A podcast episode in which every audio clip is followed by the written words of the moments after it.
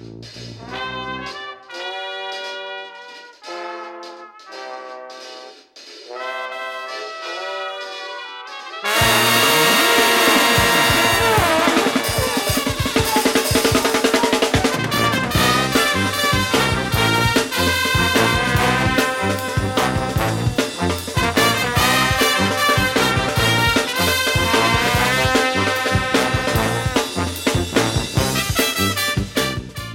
croeso i benod 34 o Ysbeidiau Heilog gyda fi, Lee Jones. A fi, Llwyd Owen, lle byddwn ni yn rhoi'r sylw i'r pethau bach sy'n ei gwahaniaeth mawr i ni yn ystod y cyfnod hollol honco hwn. Ie, yeah, wir.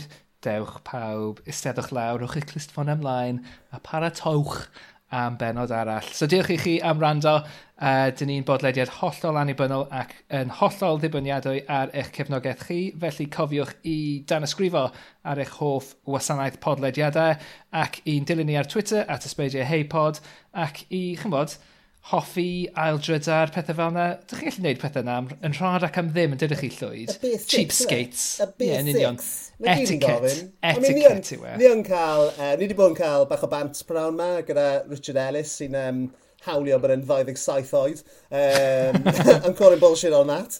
Um, Wel, mae'n edrych yn iawn o fi, so this could be true. yeah, ond ti'n edrych yn effernol o sal. So, so ti'n mo. Um, ond yeah, just, just uh, ti'n mo. Os ych chi'n gallu uh, yn helpu ni trwy aildrydar a rhannu ein nonsens ni, bys hwnna yn gret. Iawn, wel, uh, sôn yn, yn fyr yn fanna am Richard Ellis, ond uh, mae yna gysylltiad un gwestai nesaf llwyd, felly pwy, pwy sydd yma ar y benod yma? Wel, Leasers, yn ymuno gyda ni heno, uh, mae un o'r bobl mwyaf doniol, fi erioed wedi cael y pleser o dreulio amser yn ei chwmni, so uh, dim pwysau fyna, ond uh, mae'n actores wych sy'n wyneb cyfarwydd i wylwyr 35 awr, tourist Trap, merched parchus a nifer o bethau arall. Mae hi'n gapten un o'r tîmau ar y, ar y gyfres gomedi radio ddiweddar Uffern Iaith y Nefoedd. Um, hi yw un o gyflwynwyr y podlediad Queens ac mae hefyd yn aelod o'r boy band gorau yn hanes y byd, sef wrong cyfeiriad. So, croeso mawr i'r sioe i'r anfarwol Mary Beard. wow. Ti'n neud fi swnio'n really impressive pan ti'n neud well, dim, sôn, dim sôn am yr enwembiadau uh, BAFTA Cymru. A ti ddim hyd yn oed i sôn am yr enwembiad BAFTA. Sorry am ei, falle. Hwna actually rwyth uh, big deal, ie. Oh gosh, na. No, no. Ond ie, diolch yn fawr i ti am, um, am neilltio bach o amser i ni, o dy amserlen prysur iawn, Mari. A Ie, yeah, fi, yn, fi yn gweld eisiau wrong cyfeiriad. I've got a to be fi. honest. A fi, bob dydd. Gweld eisiau mic bob dydd. genuinely, genuinely. Fi'n siŵr, sa'n gwybod os mae Lee'n gwybod beth ni'n siarad am. Na, dwi, dwi, ti di siarad am fi, ddim ar y podlediad, ti wedi siarad am Ron Caveira droi arno fi. Mae gen ti merch hefyd yn does? Oes, mae gen i. Nes i wisgo cap Ron Caveira. Ar, ar heno. Ie, yeah, Ron Caveira ar heno. Do, fi'n cofio gweld ti. Cari. Oh, wow. Ron Caveira. A ie, yeah, make hebos. Yw ers Wally Thomas, I reckon ers Wally Thomas, make's about as good as it gets. And, uh, wow. Uh, uh, fatha, ti'n mo, Village Idiots. Uh, uh fi yn chwarae Village Idiots yn dda iawn i fod yn oh, dig. uh, brilliant. Anyway, y Mari Beard, mae gan Lee gwestiwn pwysig iawn i ofyn i ti. Wel, beth yw dy hoff gaws di, Mari? Oh, ah, wel. OK, so mae'n y gaws specific iawn. Yeah. Ble, pan fi'n mynd ôl i Aberystwyth i Ultra Comida, fi'n mynd oh. cefn mewn, fi'n gweld yna a fi'n mor hapus. So mae fe'n caws gafr mewn siap fel pyramid, fel D. Ti'n torri mewn iddo fe A mae fe yr peth mwyaf oh. creamy. Go, ti di cael e? e Mae'r D, Fi'n meddwl yeah. bod e'n fath o charcoal. Ydy, charcoal yw e, ie. Yeah. Hwna yw'r yw fy hoff gawsi yn y byd i Dim gyd. Right, mae hwnna'n swnio'n amazing. Oh, mae fe rili. Yn hoffi caws, dwi all aboard gyda'r cysyniad. yeah. Mae fe just yn rhywun Conceptually... trionglau. Yeah. Rwy'n big fan o trionglau. Conceptually, mae hwn yn fucking cool. Fi'n gwybod. Mysterious. Mae fel, ma fel obsidian, Egyptian obsidian. Ti wedi ffindio fe yn yr anialwch. A dyma ni... Wa, rhyw drysor o amser peth yn ôl. Dyna pam, dyna pam brynes i fe, chos ni'n fel, ah, sorry, pyramid. Ie, yeah, mae gael hwnna, please. it's, a, it's a cheese shaped of a pyramid. Diolch yn fawr iawn, ei fynd hwnna adre beth fe gyd. Yeah. Wel, mae'n neud, neud change o olwyn, yn dweud, let's face it. Ydy. So, yeah. so, so, so ti'n mwyn, pa mor just... aml wyt ti'n cael y caws pyramid o'n oh, Wel, sy'n ni'n beti fe bob dydd os bys ni'n gallu, obviously, ond um, mae'n rhieni wedi symud i ffwrdd Aberystwyth y spel fach, ond mae um, rhieni'n partner i'n byw yn borth. So, ni'n mynd na sort of bob cwpl o fusoedd falle, so fi'n trio mynd mewn i Aberystwyth. Ond wrth gwrs, gyda'r pandemig, oedd pethau'r gau, o ti ddim yn siŵr os ti'n cael mynd i dre a stuff, so fi ddim actually wedi cael e ers dechrau y pandemig. Oh, cyn y pandemig, so fi'n really barod nawr. Fi'n yeah. barod i gael e. Ie, yeah, mae hwnna'n mae ma, ma just y ffaith bod ti wedi name drop o Ultra Comida a Caws gyda charcoal round e. Mae just yn dangos fath o dy status di, ti'n bod? Oh, ie, definite. Fi'n... Mewn cymdeithas. So, fi'n, fi'n, fi ddim moyn pragon, fi'n incredibly high class pan mae'n dod i caws. Dyna beth Dim ond caws, though. cwestiwn yma, really, yn dyfa, yw i jyst i ffeindio allan lle mae ein gwesteion ni ar y, ti'n modd, ar y, ar y, fath, ar y pyramid um, o, o, hey. o, dosbarthiadol y, y, y cymdeithas. Ti eisiau rhywun clywed mwy am pyramids, cos mae hwn yn mynd i chwalu'ch meddyliau chi. So oh, Valencey oh, yw enw'r caws ma. Wow, uh, ti wedi ffeindio fe? Ie, yeah, Valencey. One apocryphal uh, tale has it that Napoleon, having returned from his disastrous campaigns in Egypt, stopped at the castle at Valensay. Their local pyramid cheese apparently aroused unpleasant memories, as he alleged, then cut the top off in fury with his sword, leaving the shape that survives to present. Achos, fel, Oh dyna fel mae, mae fel my pyramid, a mae'r top yn flat, so fel sgwan ar y top. Lle Ydy. nath Napoleon dorri fe off gyda'i bydyn, Gyda'i- wedys ti. ti wedi dychmygu hwnna, Llywyd, y dan hynny. Cleddyf? Neu dim, interchangeable yeah. geiriau. Neu ti'n bod... Interchangeable, like, you Neu, ti'n bod, cheese knife neu rhywbeth, ti'n bod. Yeah, yeah well. Wel, ta be, mae hwnna di wneud i fi licio'r caws mwy. Mae'n glyfau a bob tro fi'n bita, fi'n mynd i weid wrth pawb am y stori yna. Yeah, great bit yeah. o chwed. Oh my god, mae'n great bit of chwed. Ond fi'n teimlo nawr, dylen ni fod fel y mwy, dylen ni ddod arno bod salt of the earth yn mynd, ta be, fi just moyn cheddar fi just moyn mature cheddar Dyna. ar dost, tymod? Dim Na, dim dyna pwy ydw i ddo, tymod? Ni'n gwybod. Dim dyna pwy ydw i. Fi'n awful. Fi yn cyfryngu wanker. I can't help it. so, uh, so, ar y, yeah, so ar y trywydd hynny, ti'n gwybod, mae yna status symbols go iawn i cyfryngis. Um, so sawl cheese grater sy'n gen ti, Mari? O, dau. Dau. Dau, hmm. un, un fel huge. So, mae'n dibynnu, wyt ti'n cymryd fel, fel, fel un neu pedwar ochr? Na, just oh, na, mae hwnna'n un. Oce, okay, mae hwnna'n un. A, oce, okay, good. A wedyn mae da fi, mae da, mae hwnna'n mynd i fod, mae da fi un ar gyfer um, parmesan. Oh, Dyna'r un hir fel, yeah, so dau. A techneg gwych gyda llaw. Diolch yn fawr iawn, o'n i'n meddwl bys chi'n joio hwnna. Dangos i chi sut i wneud eto. Dyma'r, um, um, mae hwn yn, fath o ffordd o fesur pa mor posh yw rhywun yn ôl Richard Herring. o, um, ife? Ie, yeah, ar, ar ei bodlediad e. So, o'n i'n meddwl, mae hwn yn follow-up question gwych i'r uh, hoff gaws. Ond, ie, yeah, so mae gen ti ddau. Fyswn ni'n gweud bod hwnna yn, yn reit normal. Ie? Yeah? yeah. Okay, yeah, good. Um, yeah. Richard Ellis eto, i siarad am Richard Ellis, Pimp.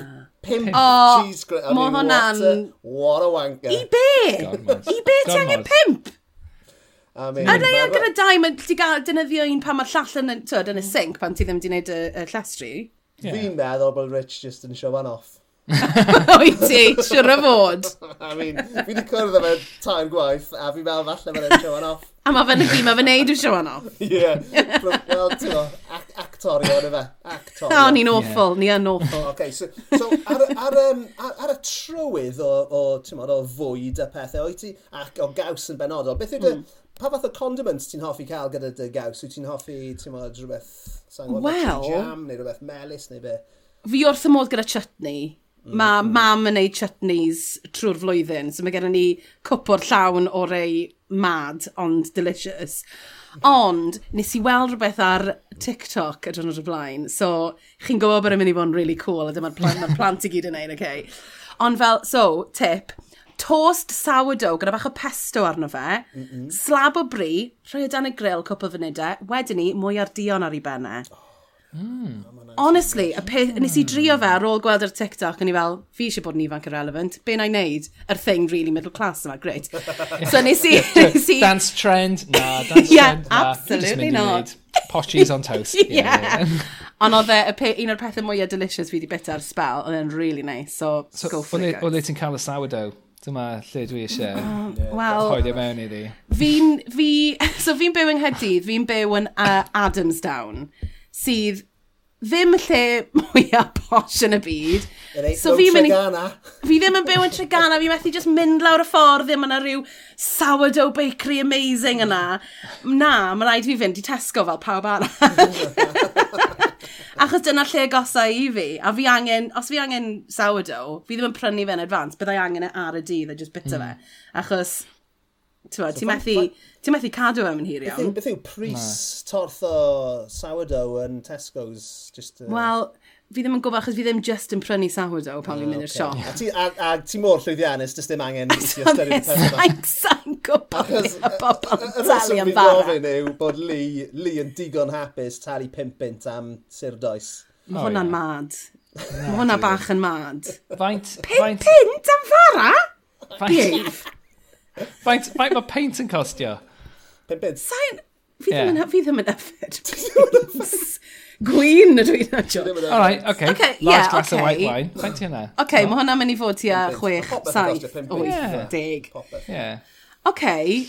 Ti'n so, ti'n so, ti'n dadleio bod, wel, ti'n talu hwnna am paint. Yeah. Wel, mae hwnna fel gweud, faint y ti'n talu am, I don't know, diamond. Ha, bys ti'n prynu hwn am diamond, ond dwi ddim yr un peth, na? O, ti'n talu... Ti'n talu... Ti'n talu... Ti'n talu millions of pounds am fara. Wel, sut ti'n talu hwnna am diamond? yeah, I mean... Wel, y resymeg yw, ti'n bod, ar ôl y cyfnod clod cyntaf, oedd y pubs i gyd i cael. A oh, okay. So, o'n i'n gallu cyfiawnhau gwario'r arian hynny ar, ar fara. So dyna, okay, dyna ma... o le mae hynny'n dod. So, dwi ddim yn, Dwi ddim yn totally detached from reality. okay, mae hwnna'n ddigon teg, fair enough. yeah, just partially detached. OK, fair enough, fair yeah, enough. Yeah. Ti'n iawn. Oh, na, na, na, na, ti'n neud pwynt dda. O, gen i ddim byd i dweud i hwnna, so. yeah. Ond ie, yeah, sir, bach o sir does. So ti'n offi cael ffrwythau ar dy gaws ar dy dost Well, So beth wedi cael mwy ar Dion, gotta be honest. Mae hwnna'n well, swnio'n... Nes i fynd i bigo fe, um, nes i fynd i bigo mwy ar Dion. Fi'n, mae'n hartner i'n arddwr, so dyn ni'n mynd am dros yn y... Ma, ta fi ddim eisiau mynd, mae rhaid i fi fynd am dro yn y wlad weithiau. a, a ffordd mae fe'n temptio fi yw gyda bwyd, so mae fel, mwy ar Dion, teri Dyna... bigo mwy ar Dion. so Fel, oh, greit. Dyna beth ni'n gwneud gyda fy merch i. Mae hi'n ddwy mlynedd oed. Yep, same level, same level. os dwi'n mynd am, am dro, a mae hi jyst yn, chymod, cae cerdded yn bellach, dwi'n like, oh, I think there's some blackberries round here. Oh, yeah. yeah. Come on, blackberries come on. a, a slows yeah. i fi'n cael hefyd. Yeah. wedyn ni, mae'r prospect o gin wedyn ni hefyd. So, Wyt ti'n neud slow gin dy hynna, neu ti'n just yn gadw um, neud y fam? Ta be, mae mam yn neud mean slow gin. Ond, so nethon ni big o lot o slows y ddiweddar, a nethon ni fynd, ond rhaid ni roed yn y freezer, Achos mae rhaid ti aros tan yr rhew cyntaf, apparently, cyn neu slow gin. Mm. Ond maen nhw di aros yn y freezer. So sa'i meddwl bydden nhw'n iawn erbyn dolyg. so, oh, mae rhaid i fi wneud slow gin. Fi, ni wastad yn sort of pig o'r slows a wedyn ni anghofio amdanyn nhw, ond maen nhw'n y freezer am ddwy flynedd yeah. a wedyn ni. Fi'n meddwl bod gen i fwy ar dion yn y freezer sy'n i bod yeah. nes, ti'n dwy flynedd. Fi'n meddwl bod yna. Ti'n mynd allan, ti'n meddwl bod ti'n fel forager A yeah. gen, ti'n mo, oh yeah. ti'n mo. A wedyn ni, mae'r ma madarch yn y ffridge am ages. A ti'n gwario, yeah, ti'n gwneud dwy bint a'r palet bach, pa, punnet bach yn, uh, yn Morrison's. Ond, um, yeah, un cwestiwn, ar, ar y pwnc, uh, ti'n mo, eang yma o, o fwyd ag o fwyta, mm. um, mae gen i un cwestiwn yma, sef, sef mm. beth yw'r peth mwyaf, ti'n mo, rhyfedd ti byth wedi bwyta yn dy fywyd? to be, fi'n lico bwyd rhyfedd. Fi'n lico bod bach yn sort of anturus gyda bwyd. Yeah. A fi credu'r peth mwyaf od nes fi wedi bita ydy camel yn Morocco. Um, ond nid just camel, camel burger. A oedd e, honestly, fel burger. Yn, yn Fez. Eisiau fel sharp, ie, yeah, fel sharp, fel...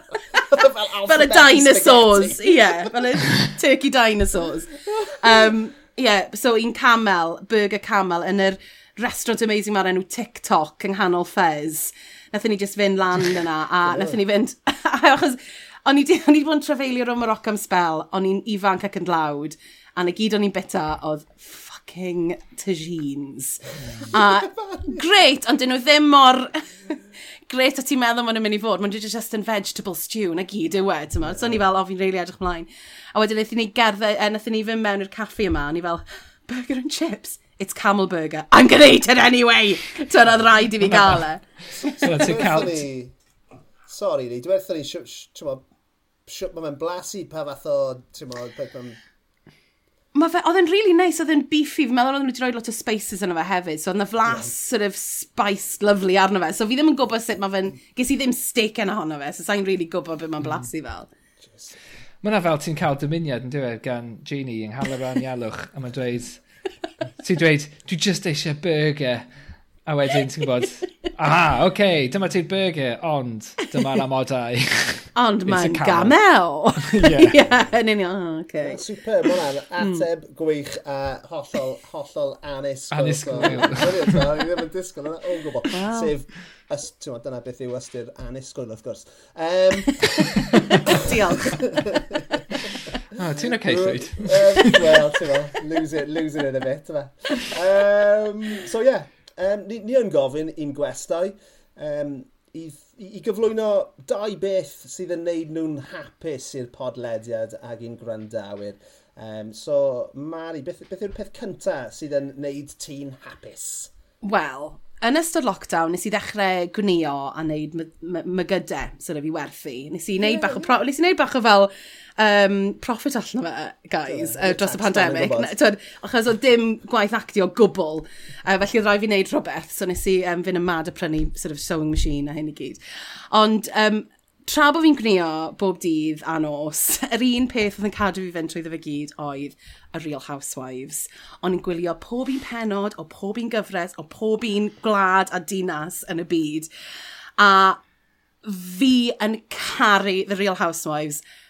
Siwr o fod mwy nag unrhyw rhaglen arall yn y byd. Mae fe yn mae fe'n cael ei alw yn trashy, ond mae da fe popeth, mae da fe humor, drama, tragedy, a mae fe am fenywod ta, menywod gan fwyaf yn eitha mega rich a plastic, a weithiau maen nhw'n fenywod erchill hefyd, ond menywod nonetheless, tyd.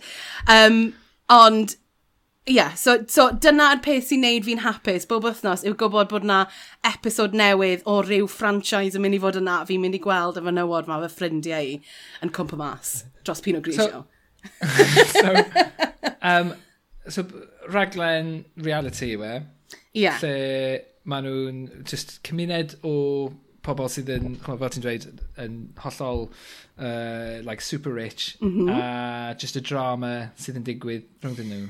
Ie, yeah, so am, am grŵp o ffrindiau ydy e, essentially, okay. um, sy'n byw ym mhob ddinas. So mae gen ti... So lle ddyr un cyntaf? Be di'r... Wel, nes i fe nes i thi New York. Um, hwnna mm -hmm. yw fy ffefryn i, achos hwnna ddyr un nes i wylio cyntaf. A mae gen ti sort hwnna of... am uh, albums Beatles hefyd yn dyn nhw. Yr un cyntaf i ti glywed yw dy ffefryn di.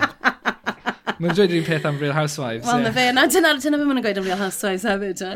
Ond, um, na, so New York, Atlanta, New Jersey, Beverly Hills, Potomac, fi di watch nhw i gyd, ti'n modd? Ond, um, yeah, am crew o ffrindiau yw e, a Mae ma rhai ohonyn nhw'n ffrindiau, mae rhai ohonyn nhw ddim yn nabod i gilydd yn iawn. A dyna ble mae lot o'r conflict yn dod pan mae pobl ddim yn sort of deall y person arall. Ond wedyn ni, mae nhw'n sort of trapped yn y byd yma, o mae rhaid nhw weithio gyda'i gilydd a smalio bod yn ffrindiau. Ti'n gwybod, man, achos maen nhw'n cael ei ffilmio constantly yn mm. neud y pethau yma. So. Dwi, dwi'n gwybod dim am y raglen yma. So mae rhaid i ti um, esbonio ychydig bach yn fwy. Ydy fe fel Beth yw fel yr um, thing Chelsea. Uh, Made in Chelsea. Made in Chelsea. Achos dy hwnna ddim quite yn reality, mae fe fel... Na. Um, ydy Real Housewives fel na, neu ydy fe'n absolute fly on the wall, ti'n neu ydy, os na set-ups a, ti'n Ie, yeah, wel, mae'n ma, ma, ma dibynnu, really, achos mae'r er series cyntaf o bob cyfres fel arfer yn bach mwy sort of rough, a on, yeah. sort of mwy o on-the-wall documentary yn dilyn y grŵp yma ffrindiau. Wrth bod ti'n mynd ymlaen, maen ma nhw'n cael pethau, maen nhw fel yn cael cyn, cynio, neu'n cael swper gyda'i gilydd, a mae'r cameras i gyd yna, achos ti'n gwybod bod yna rhyw fath o conflict yn mynd i fod. So, dyw e ddim o'r script... Yeah, that is it! A mae fe'n fascinating. Pam mae achos hefyd... Pam mae wedi wneud hwn? Real Housewives of Cwmaman. uh, a byswn ni watcha fe. Paid, paid i a poeni byddai watcha fe. Byswn ni anno fe, byswn. Dyna'r gobaith un dydd. Ond to fel, er enghraifft, yn, uh, yr un, yn yr um, uh, cyfres mwy o diweddar o Beverly Hills, mae yna drama huge y digwydd yna ar y funud, achos mae yna housewife o'r enw um, Erica Girardi. Mae wedi ffeindio hi'n mewn sefyllfa bach yn sticky, ble mae gŵr hi sy'n gyfreithwyr, gyfre, gyfreithiwr, really enwog, mae fe wedi cael ei gyhyddo o ymbezlo settlements o teulu o pobl wedi bod mewn car crash. So, literally, oh wives God, and orphans. A ni'n ffind y mas trwy'r gyfres bod e wedi bod yn rhoi yr arian mewn i'w busnes hir, housewife. A cyn hyn, ni wedi gweld cyfresu ohoni hi yn mynd rownd y byd yn bod yn pop star yn canu crap pop songs. Ni'n ffind y mas, that was all funded gan y boi yma a'r settlement ma. So mae'r hmm. gyfres diwetha wedi bod yn hi yn trio pledio i achos, yn sort of, gyda'r ffrindiau yma yn gweud, fi methu credu mae hwn efo mywyd i dim mwy, so, tra'n bita cafia. A sort of, yn crio gyda fel mascara stains lawr i gwyneb hi, ti'n mod. A mae'n sort of, a mae'n rhan o'r defense achos mae'n sort of, wel, oedd yng ngŵr i wedi bod mewn car crash a nawr mae fe gyda dementia. A... So, so mae ma pethau mawr yn digwydd ar y raglen. Dwi e ddim fel just grŵp o pobl yn mynd, ah, aha, ta, bod yn silly. Mae yna big issues yn dod allan. Mae yna fel, mae yna domestic abuse storyline wedi bod. Mae yna um, loads o bethau sort of bach mwy, o, bloody hell. Tyd, mae hwn yn actual fascinating insight o falle ochr bach mwy tywyll i bod yn Rich and Famous? Yeah. yeah. So ti'n gwybod, ti'n gwybod, um, mae yna ma, na, meme yna, yn does, lle mae yna ma na un fenyw yn, yn mm -hmm. flin ac yn gandrill a mae hi'n pwyntio a mae yna fenyw all yn trio tynnu hi'n o yeah. a mae gath ys neis yna. Obviously, ti'n gath ddim o Real Housewives, ond mae'r ma mhm. menwod hynny o Real Housewives yn dyn nhw.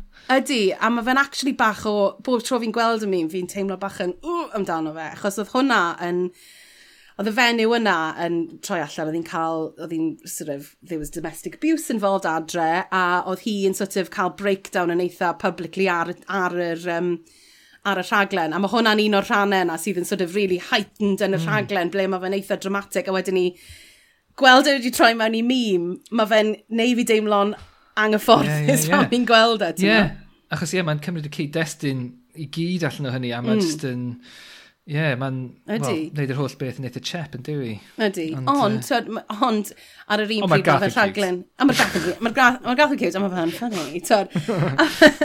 Ond hefyd, mae ma, ma nhw hefyd yn gallu bod yn eithriadol o ddoniol. Mae ma na menywod genuinely hilarious. Dwi'n siŵr os maen nhw'n gwybod maen nhw'n hilarious, ti'n gwybod, um, ar y rhaglen um, a maen nhw'n ma nhw neud fi grio chwerthin, ti'n modd. Fi'n mm. fi un o'r bobl weird ma ddo, sydd fel yn mynd ar Reddit i weld beth sy'n digwydd yn y real lives. Fi'n yna yn derllen ar erthyglau amdano fe. Fi'n fan, ti'n modd. Mm.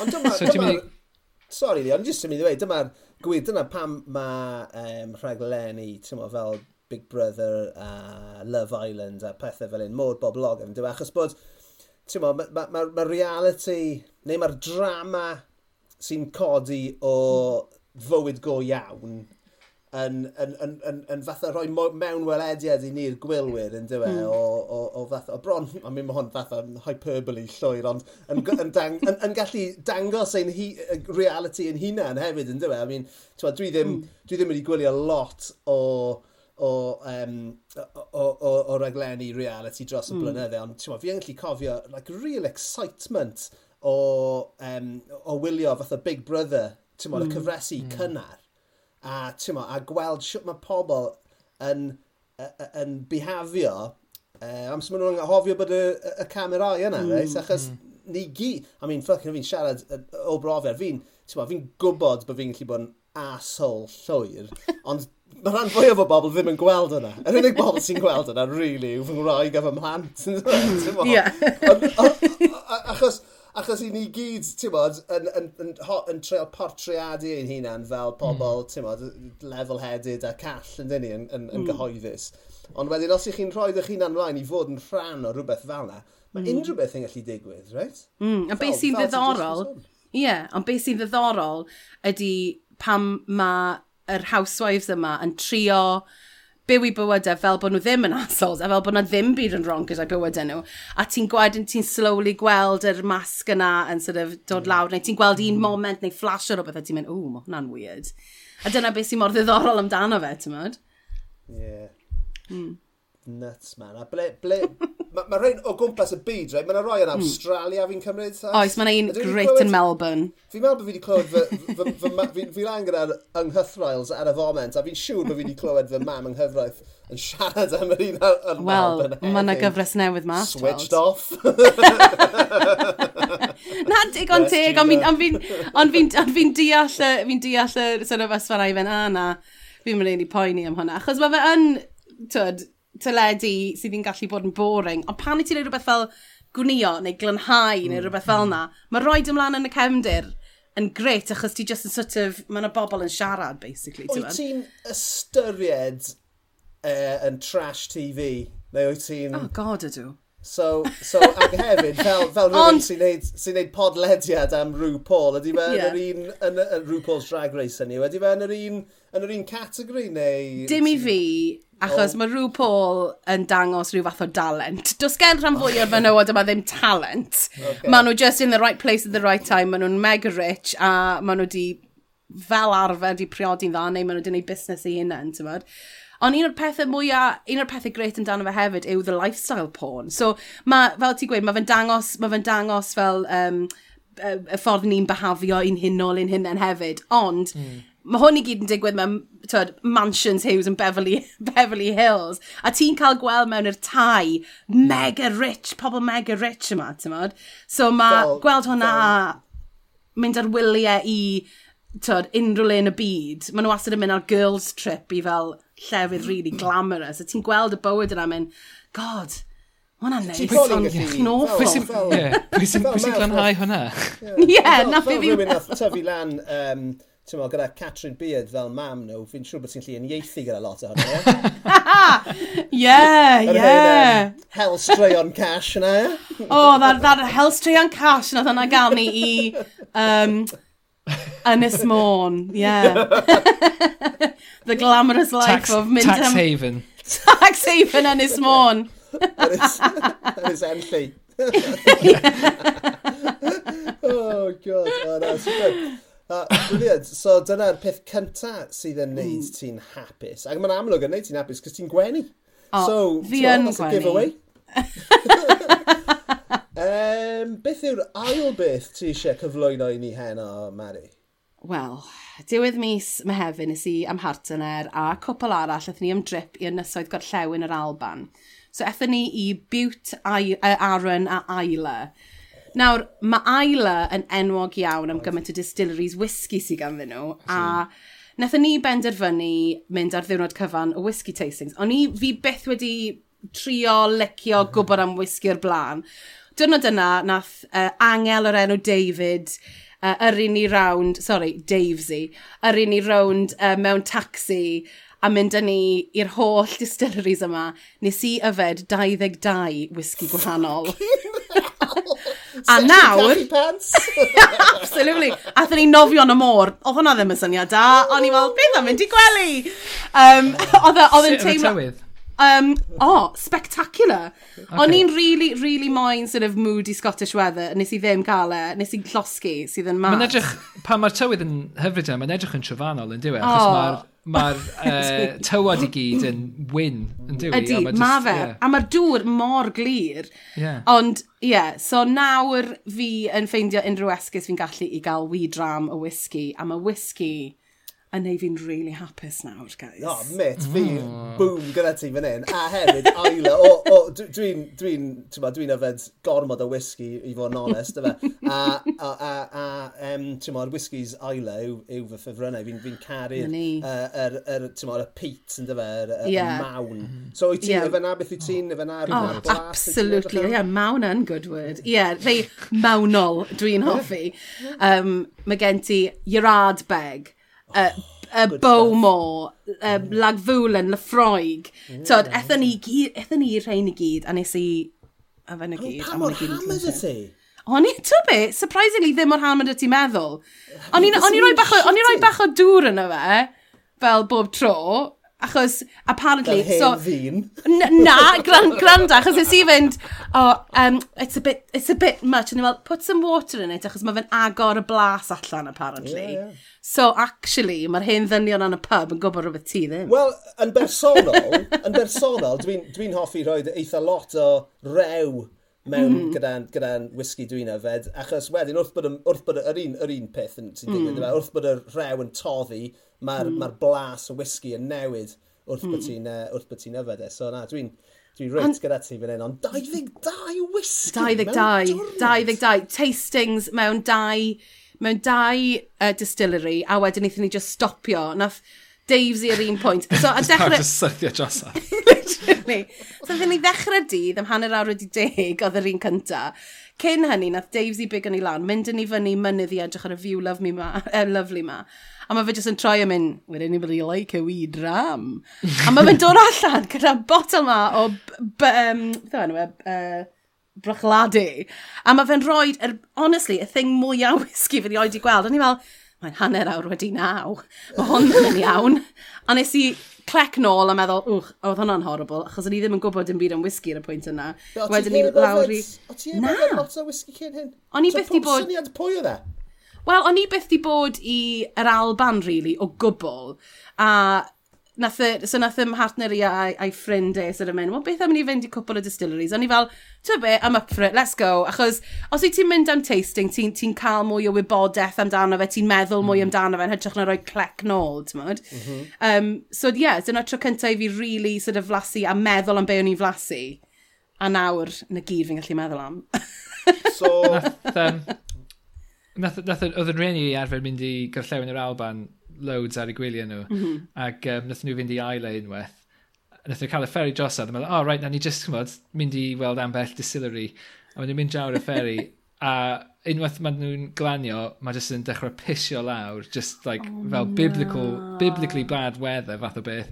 Ac uh, dyma nhw'n mynd i'r distillery agosaf a ffeindio allan, o oh, na, um, dyn ni'n llawn heddi, dys dim, dys dim lle ar y teithiau. Na! ond mae hwnna'n really trist. so oedd rhaid nhw just istedd. Lawr bus stop gyda potel yeah. yma. O ie, yeah. mynd i'r siop. Gawn ni fynd i'r siop o leia? Ie, ie. So dyna ni. So ie, yeah, so um, dyna oedd eu profiad nhw. Ond dwi'n meddwl falle, falle nath nhw gadel iddyn nhw Dwi'n meddwl oedden nhw'n cydymdeimlo a disgadlu nhw just piggybackio ar un olaf yn y dŵn. O, oh, oce, yeah. okay, mae'na neis. Ie, yeah, ond so, nid, nid yr un profiad a, a gest i'n Mari. Uh, Not by a long shot. So, tro cyntaf i ti yfed whisky, nes ti gael 22 shot mewn, mewn un go. That'll do it! 20... nid 22 measures. Wyt ti'n... Um, yeah. 22 sips. Ie, yeah, ond on, trwy'r dydd. Yeah. yeah. As in, oedd e ddim fel, mae'n un go. So, o'n i'n gallu to, oedd e from, oedd e o hanner awn ti deg ta chwech o gloch yn nos. Dwi'n o'n ymwneud yn well. Dwi'n ddim mor hir a hynny. Na, fi sylweddoli nawr bod fi'n gweud ddim yn iawn. So, erbyn hyn, um, mm. faint o whisky, I mean, ti'n mo, faint o whisky ti'n yfed? Ie, sgyn. Wel. Sgyn ti'n asgliad? Wel, fel chi gallu dychmygu'r ond 22 whisky, basically pob, pob distiller yn ni'n mynd yn ni fel, fel enni gael botel, achos mae fe'n amazing. So mae dal gen i lot o'r trip dal ar ôl hmm. gyda fi. Um, ond nes i brynu botel o um, An, An O, i'n meddwl o enw e, o um, Adbeg, i fynd gyda fi Green Man. So literally o da fi fel, o'n i fel... Oedd rhaid i ti decantio fe mewn i botel plastic? Yeah. Na, na, oh na mewn, mewn i, mewn i, nes i brynu... Um, Camelback. nes i brynu fel yr, um, beth ti'n gael nhw'r, um, Ti'n gwybod? Fi'n neud, fi neud, fi neud emotion fel bod chi'n gwybod beth yw e. Sa'n gwybod, mae'n edrych fel... Beth yw e? Emotion o... Just Aladdin? Na! Fel, ti'n gwybod, ti'n sgriw ar y top a... Oes potel? Hip flask. Potel. Hip flask. Hip flask. Come on, guys. Nes i fyny um, hip flask o... Ti'n an expert, Mary, come on. E, Fi'n gwybod, dyna ni wedi gwybod. I know, sorry, guys. Nes i brynu un o Lefroig a mae fe'n really cute achos mae da fe fel um, wee dram holders fi'n gael nhw ar y top, so fel capanau bach, a mae'n really great. Oh, so nes i ddod ar botel o arbed yeah. gyda fi, cadw fe'n y tent, a wedi just topo fel lan bob dydd. Mm. A o'n i'n teimlo fel hen ŵr. O'n i'n teimlo fel hen ŵr, ond hefyd fel legend ar yr un pryd. Ti'n gwybod beth, Oedd yn had ci, reit? Um, nath yn had ci fyw bywyd hir a hapus tu hwnt.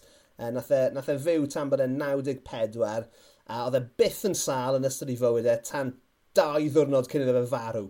So wow. oedd e'n sal am ddau ddwrnod o'i fywyd e, right? Blinkin' heck. A ei, ei, ei, ei ei gyfrinach e, e... Effernol o sal e, by the sounds of it. E, oedd e'n ffat am y dau ddwrnod yna. Oedd ei gyfrinach e oedd dechrau'r diwrnod gyda shot o olive oil a gorffen y diwrnod gyda shot o whisky. A nath e'n neud hwnna wow. trwy gydol i fywyd e. A, Ti di dilyn yeah. y cyngor hynny, Llwyd? No, well, dwi ddim yn yfed olive oil i brecwast, na dwi. Ti'n cael y whisky am brecwast. Whisky bob nos. Whisky bob bore. Yn gwneud ddim ond na. Whisky am brecwast ag olive oil cyn mynd i weri. Ond ie, ond ti'n bod, ma'n... Os, os dim byd arall, mae fe'n helpu ti gysgu, right? Digon gwir. O, a mae fe'n neis i gael fi dram bach ar diwedd y dydd. Os rhaid i ti wneud y llais yna... Oes, mae rhaid i fi weid wi dram! Sut arall ti'n gweud e? really, hey, she's got some acting chops, this one, eh? Dim yn swnio'r un fath mewn ac yn Caerdydd Llwyd. Have a wee dram. Have a wee dram. I'll have a wee dram. Like, I'm going to try spouse now. oh my oh. god. Dyna'r dlamod o'r Alban yn tynnu dy acen di'n ogleddol. Dyna beth sy'n digwydd yn fanna. Dyna just gravitational pull yr Alban ti. So, I mean, mae Isla, obviously, yn, uh, yn enwog iawn am ei mm. chwisgu. Lle, lle oedd y ddwy nes arall lle sti? So, eithon ni'r Isle of Butte. Um, mae nghariad i, uh, sorry, mae hartner i, yn gweithio yn Park y Butte. Yeah. Felly, um, achos mae hanes um, sort of Lord Butte, oedd yn dod o'r Isle of Butte. Mm. Fe ddod lawr i Gaerdydd, a nath e basically prynu Caerdydd. Prynu lle. Ie. yeah. um, felly, e, oedd e wedi trefnu exchange rhwng um, Isle of Butte a Butte Park. Um, felly, nath e fynd lan, ethyn ni aros ar yr estate, a nath ni weld, no. sort of, ie. Yeah, That's really low, isn't it? Oh, innit?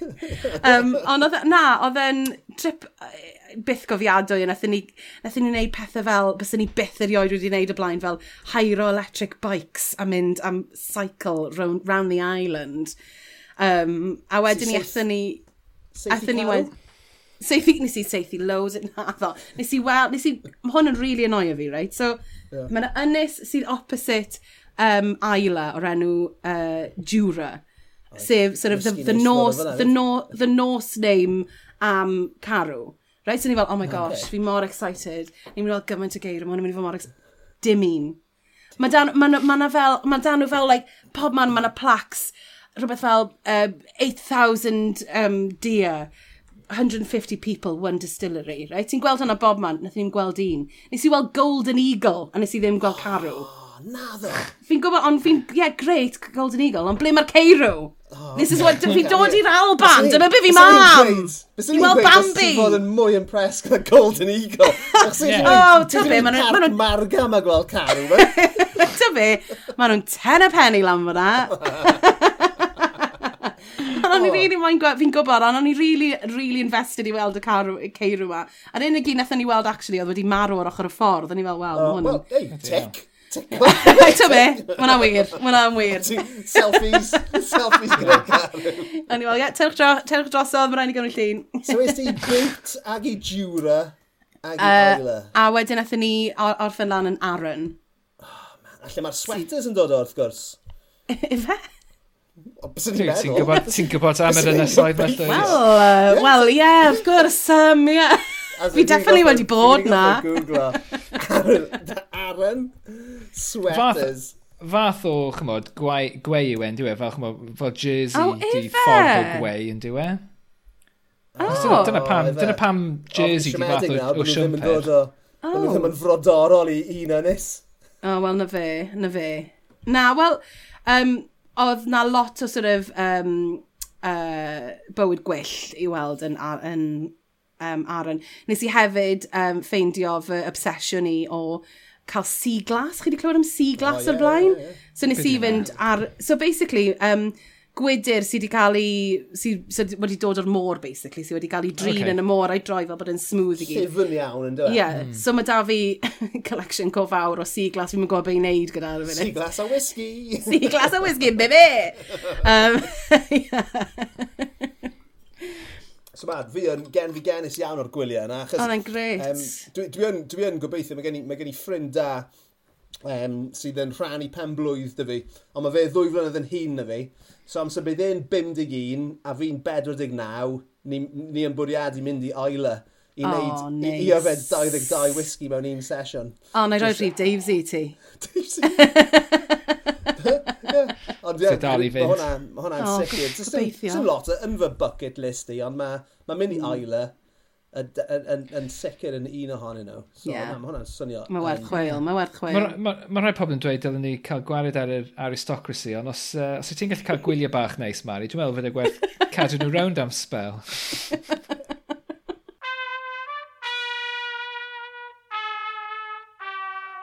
Right, Mary Beards, um, ti yn cyflwyno uh, podlediad newydd, weddol newydd anyway, mm -hmm. Queens sydd am um, rhyw Paul's drag race. A...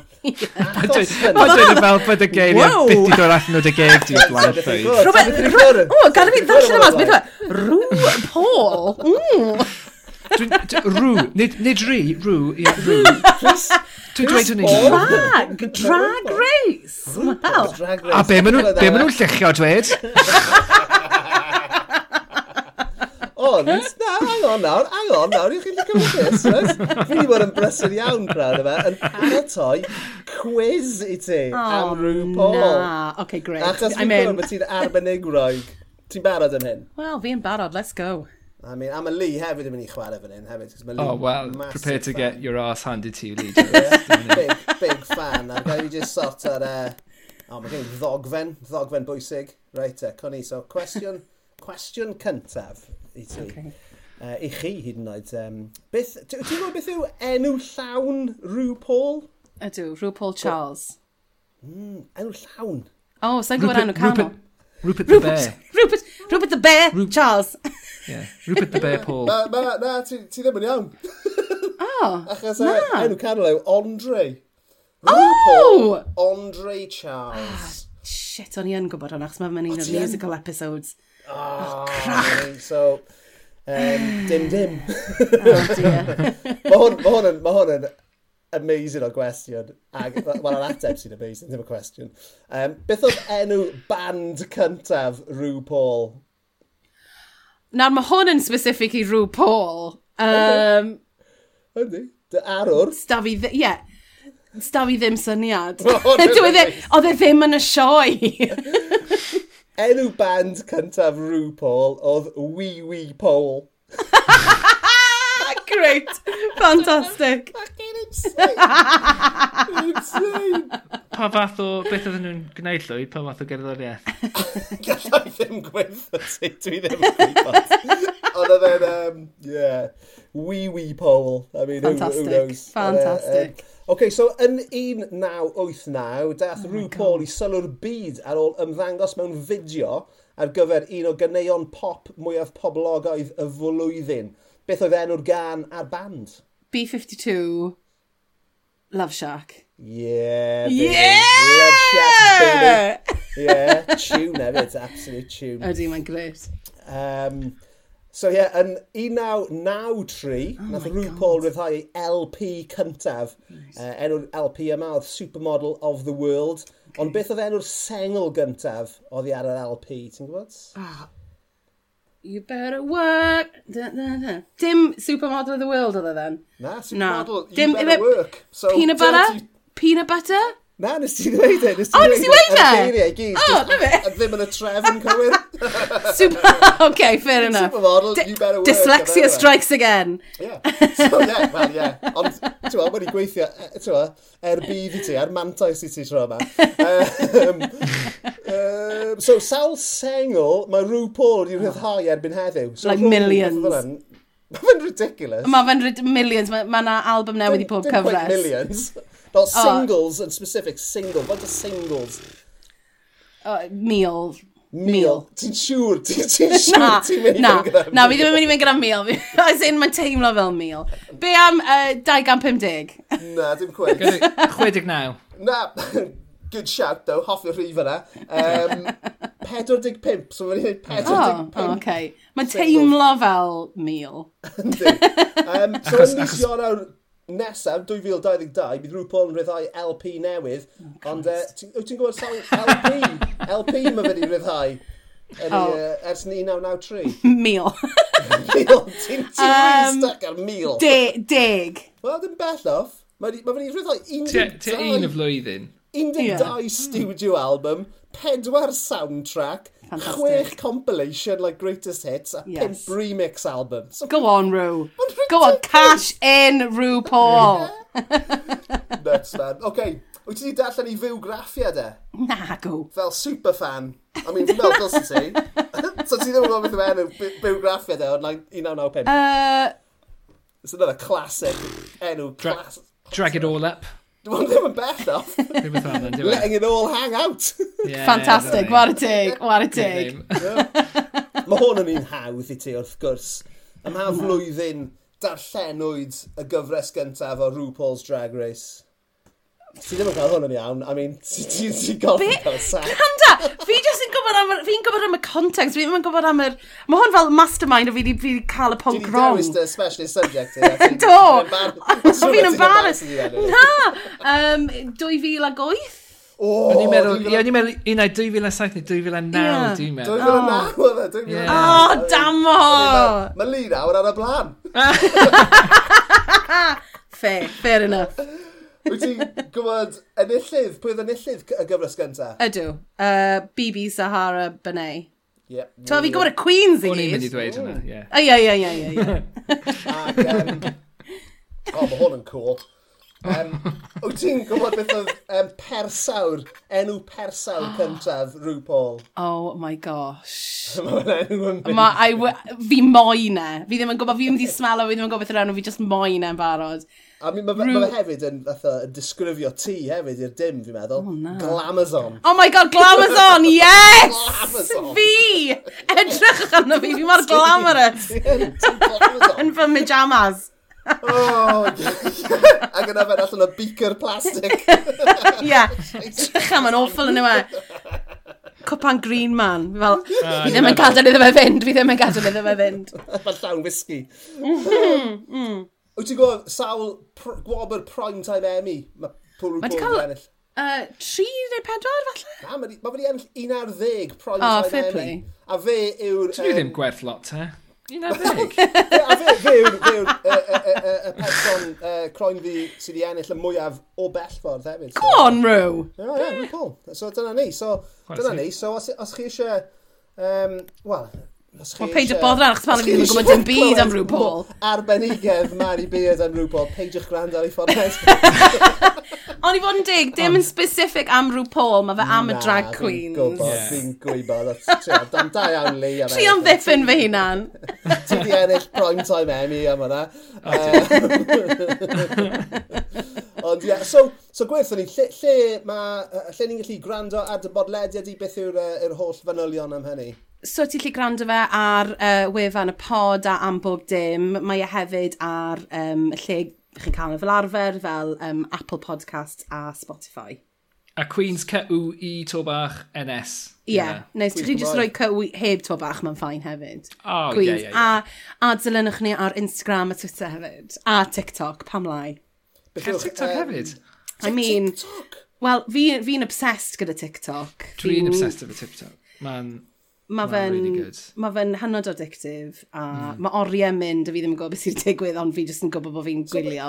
So, beth wyt ti'n gwylio ar TikTok, Mari? Ti'n modd, just um, hwyl. Wel, ti ddim really gwylio pethau, mae pethau yn dod at y ti, mae'r algorithm mm. yn really dda. Okay. So be mae'r algorithm yeah, yn neud? Unwaith ti'n setio fe fyny, o, oh, yeah. bant a ni, mae'n gyrwyd. Mae fe'n ma fe rhoi fideos, maen nhw'n meddwl, o, oh, mae'n siwr o fod mynd i licio hwn. So basically, yeah. fi'n stuck yn gwylio fideo, er, er, er, like, five minute vid, um, sorry, dim five minute, three minute maximum videos, ble fi really eisiau gweld beth yw ei gyd. So, mae'n really anodd i dynnu di hyn i ffwrdd o dy ffôn mm. di. Chos i fel, oh, na watch ein arall, gosh, mae hwn yn really ddiddorol, neu mae hwn yn really funny. Ond beth, beth nhw? Just, so, beth, ma, beth, beth, beth, fel, so, mae yna lot o beth, fi ar, fi wedi ffeindio fy hun ar witch talk yn ddiweddar, ble mae yna lot o sort of witchiness General Crystals, great mm. arno fe. Mae hanesyddol, llosgi sage, all of it. Uh, giving me good juju, fi'n hapus. Fi'n fi edrych ar lot o um, fideos hanesyddol, ble maen nhw'n rhoi lot o sort of facts i ti, ti ddim yn gwybod amdanyn mm. nhw pobl cwmpo drosodd, lot o rheina. Lot o... lot o Highbrow shit. oh yeah, definitely. Gwac hairstyles yn mynd yn wrong. I'm here for it. Like, give me Beth more. Beth ti, uh, Lises Jones? Beth ti'n gwylio ar TikTok? dwi'n dwi, dwi, gweld lot o um, pobl yn cambihafio ar meisydd adeiladu. Um. Get out there, get out there, pobl, pobl, pobl yn chwarae practical jokes ar uh, prentisiad, pethau fel yna. Uh, a be, mae yna rai channels hefyd lle maen nhw'n cael darnu like, peli o, o metal a maen nhw'n cynhesu nhw fel bod nhw'n tua like, 1000 gradd Celsius a just rhoi nhw mewn i hylifau gwahanol fel yeah. mayonnaise neu ketchup. Mae'r mayonnaise yn eitha disturbing. Mae yna sŵn erchyd. Mae yna sŵn erchyd yn dod o'n yma. Dwi'n falch bod ti wedi gweld hwnna, Mari, achos mae'n swnio fel bod fi'n fwrdd colli fy menydd. Trio disgrifio hwnna. Mae'n eisiau chi'ch dod dofi lan. Ti'n pe, os, actually. Ti, ti ddim yn wrong. Na, genuinely, fi, fi, fi, fi ambell waith yn edrych dros ysgwydd un o fy merched i sydd yn absolutely obsessed fel chi gyda TikTok. A, a, a, a fi yn teimlo fel real hen ddyn yn gweud, a fi, fi jyst ddim yn deall beth sy'n mynd mlaen. Ta be? A, a hefyd, dyn nhw, does dim ymynydd gyda nhw. So yn aml, mm. nhw just literally gweld, like, dwy eiliad, whoop, mm -hmm. bon, whoop, fi... O, na, ti'n gwybod, ti'n gwybod, ie, fi Ti'n gwybod os ti eisiau gwylio rhywbeth? Ti'n gwybod o'r eiliad cynta, ti'n fel, na, absolutely no, fi ddim yn hoffi gwyneb y boi yma. Ie. Ond wow. bys ni'n gweud fel am TikTok, mae fe fel smygu, just pai dechrau.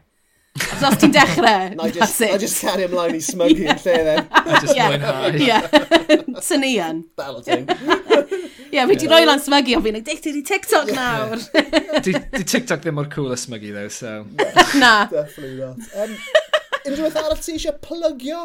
Um, Wel, mae um, ma na ffilm um, wedi dod gan tîm a Ogi sy'n dod allan uh, tu adeg nadolig rhywbryd o'r enw Gwen Hwyfar, uh, ble mae'n dilyn yn stori, Gwen Hwyfar ac Arthur.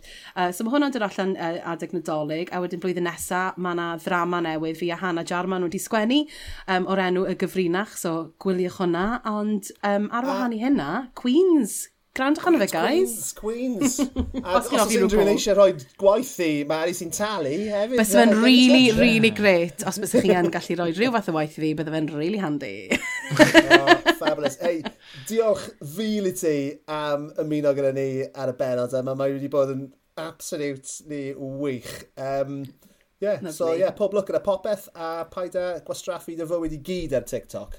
I mean, fi'n mynd yeah, just... Hwna a fi, hwnna whiskies a, a Real Housewives. Mae ma mywyd i'n mynd heibio. Rwy'n yna, ti yn fucked. Fi really yn, guys, fi really yn. O'n i'n meddwl, oedden ni'n mynd i cael e, uh, gwestad yn, chymod, uh, e, ysgrifen raig o fri, chymod, rhywun eitha difrifol, highbrow. Mm. Na beth i fod i fod, efe, ond... E. Amazing. Diolch yn fawr iawn i ti. Diolch, Mari. Diolch!